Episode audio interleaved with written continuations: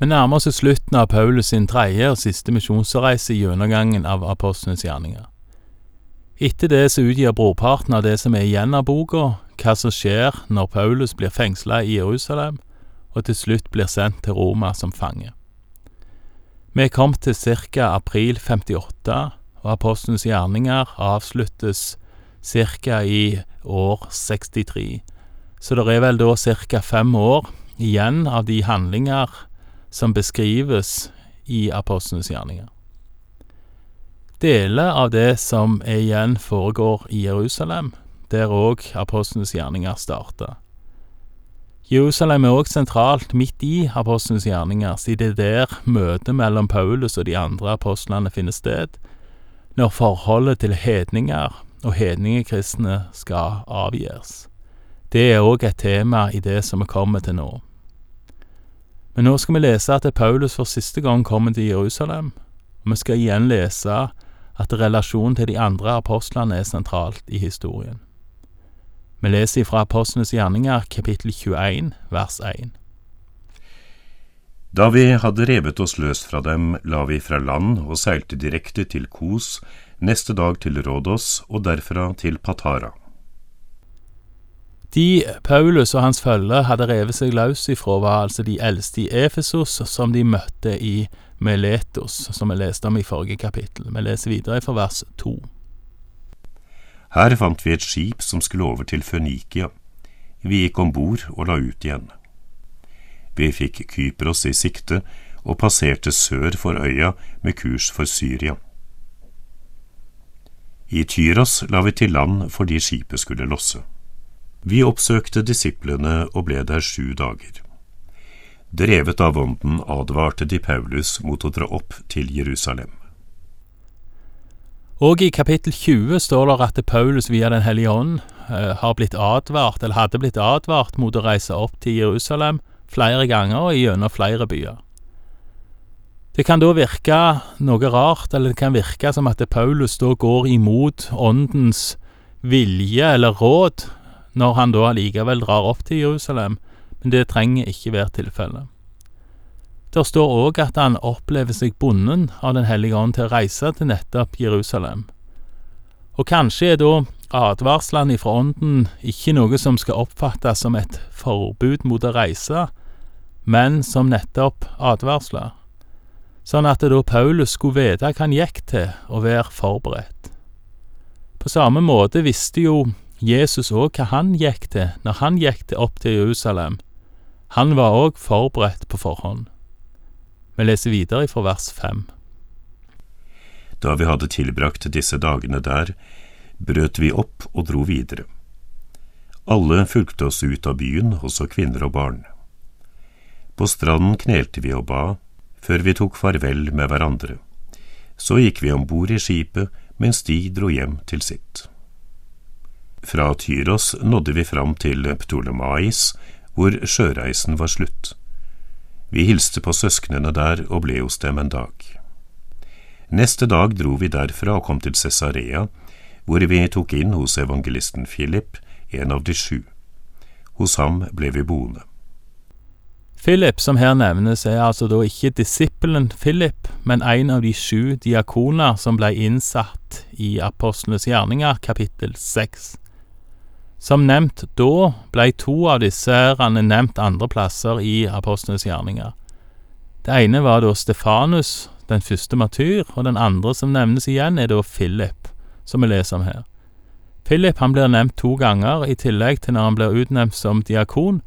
Første gang er, er når han vitner og døyper den etiopiske hoffmann i kapittel 8, og den andre gangen er da altså her i kapittel 21.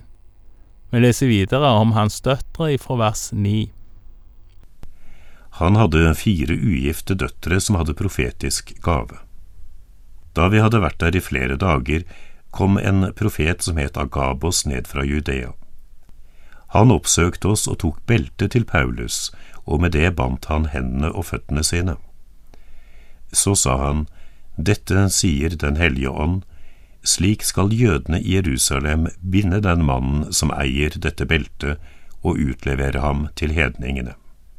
Da vi hørte dette, formante både vi og folket der på stedet Paulus og sa at han ikke måtte dra opp til Jerusalem. Men han svarte, Hvorfor gråter dere og gjør meg tung om hjertet? Selv er jeg villig ikke bare til å bli bundet, men også til å dø i Jerusalem for Herren Jesu navn. Siden vi ikke klarte å overtale ham, slo vi oss til ro og sa, La Herrens vilje skje. Da disse dagene var gått, gjorde vi oss klar og dro opp til Jerusalem. Sammen med oss reiste også noen av disiplene fra Cesarea. De tok oss med til Mnason fra Kypros, en av de aller første disiplene, og vi fikk bo hos ham. Da vi kom til Jerusalem, tok søsknene der imot oss med glede. Med orda da vi kom til Jerusalem i Apostlenes gjerninger kapittel 21 vers 17, avsluttes den tredje og siste av Paulus sine misjonsreiser. Og Paulus blei med sitt følge mottatt i glede. Vi leser videre om når de møtte Jakob og de eldste ifra vers 18. Dagen etter gikk Paulus sammen med oss til Jakob, hvor alle de eldste var samlet. Da han hadde hilst på dem, gjorde han nøye rede for alt det Gud hadde gjort blant hedningene gjennom hans tjeneste. De priste Gud for det de fikk høre, og de sa til ham, Du vet, bror, at mange tusen jøder er kommet til troen, og alle har brennende iver for loven. Nå har de fått høre om deg at du lærer de jødene som bor blant hedningene, å vende seg fra Moses og sier at de ikke skal omskjære barna sine og ikke leve etter skikkene våre. Hva gjør vi nå? Det vil bli alminnelig kjent at du er kommet. Derfor skal du gjøre det vi nå sier til deg. Vi har fire menn her som har avlagt et løfte. Disse fire skal du ta med deg og la deg rense sammen med dem. Du skal ta på deg utgiftene for dette, så de kan rake hodet. Da vil alle skjønne at det ikke er noe i det de har hørt om deg, men at du selv lever etter loven og holder den. Når det gjelder de hedningkristne, har vi skrevet til dem og gitt beskjed om at de skal holde seg borte fra kjøtt som er ofret til avgudene, fra blod, fra kjøtt av kvalte dyr og fra hor. Dagen etter tok Paulus mennene med seg og lot seg rense sammen med dem. Så gikk han til tempelet for å melde fra når renselsesdagene var omme, og offeret for hver enkelt av dem kunne bæres fram. Det løftet som her beskrives, er Nasirer-løftet, som en kan lese mer om i Fjerde Mosebok, kapittel seks og ifra vers én. Og det er vel noe rart at de eldste i Jerusalem her nesten avkrever Paulus dette løftet. Og det er kanskje enda rarere at Paulus gikk med på det. Men det viser vel, om ikke annet, hvor vanskelig det var for jødene å forstå at den gamle pakt var bytta ut med en ny, og at en ikke lenger trenger å omskjære seg på kroppen, men at en trenger å omskjære seg på hjertet. Paulus skriver mer om dette, blant annet i Romerne 2 vers 28-29, og det kan en lese om sjøl. Vi leser videre om at Paulus blei arrestert, ifra vers 27. De sju dagene var nesten gått da jødene fra Asia fikk se ham på tempelplassen. De hisset opp hele folkemassen, grep tak i ham og skrek Israelitter, kom og hjelp. Her er mannen som overalt lærer alle slikt som er imot folket og loven og dette sted. Nå har han til og med tatt med seg grekere inn i tempelet og vanhelliget dette hellige stedet. De hadde nemlig sett efeseren Trofimos sammen med ham i byen tidligere, og nå trodde de at Paulus hadde tatt ham med seg til tempelet. Uroen spredte seg over hele byen, og folk stimlet sammen. De grep Paulus og trakk ham bort fra tempelplassen, og med en gang ble portene stengt. De holdt nesten på å slå ham i hjel da kommandanten for vaktstyrkene fikk melding om at hele Jerusalem sto på ende.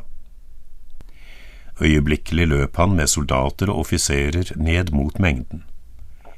Da folk så kommandanten og soldatene, holdt de opp med å slå Paulus. Kommandanten gikk bort til dem og pågrep Paulus og ga ordre om at han skulle bindes med to lenker. Så spurte han hvem han var og hva han hadde gjort. Men i folkemassen ropte noen én ting, andre noe annet, og da det ikke var mulig å få greie på noe i alt levende, befalte han at Paulus skulle føres inn i borgen. De kom til trappen, men her måtte soldatene bære ham fordi mengden presset så voldsomt på. For hele folkemassen fulgte etter og skrek Bort med ham! De skulle til å gå inn i borgen da Paulus sa til kommandanten Får jeg lov å si deg noe? Han svarte Kan du gresk? Du er altså ikke den egypteren som for en tid siden laget opprør og førte de 4000 knivmennene ut i ørkenen. Jeg er jøde, sa Paulus. Jeg er borger av en ikke ukjent by i Kilikia som heter Tarsos. Jeg ber deg, tillat meg å tale til folket. Det fikk han lov til, og Paulus stilte seg på trappen og ga tegn til folket med hånden. Da det ble helt stille, talte han til dem på hebraisk. Likhetstrekket med rettergangen eller oppspillet til rettergangen mot Jesus er ganske påfallende. Først blir Paulus beskyldt for vranglære, og så blir mobben eller folket vendt mot han. Det som vel er forskjellig, er at Paulus ønsker å tale til folket. Det får han lov til. Det kommer vi tilbake igjen til neste gang. Takk for i dag, og Herren være med deg.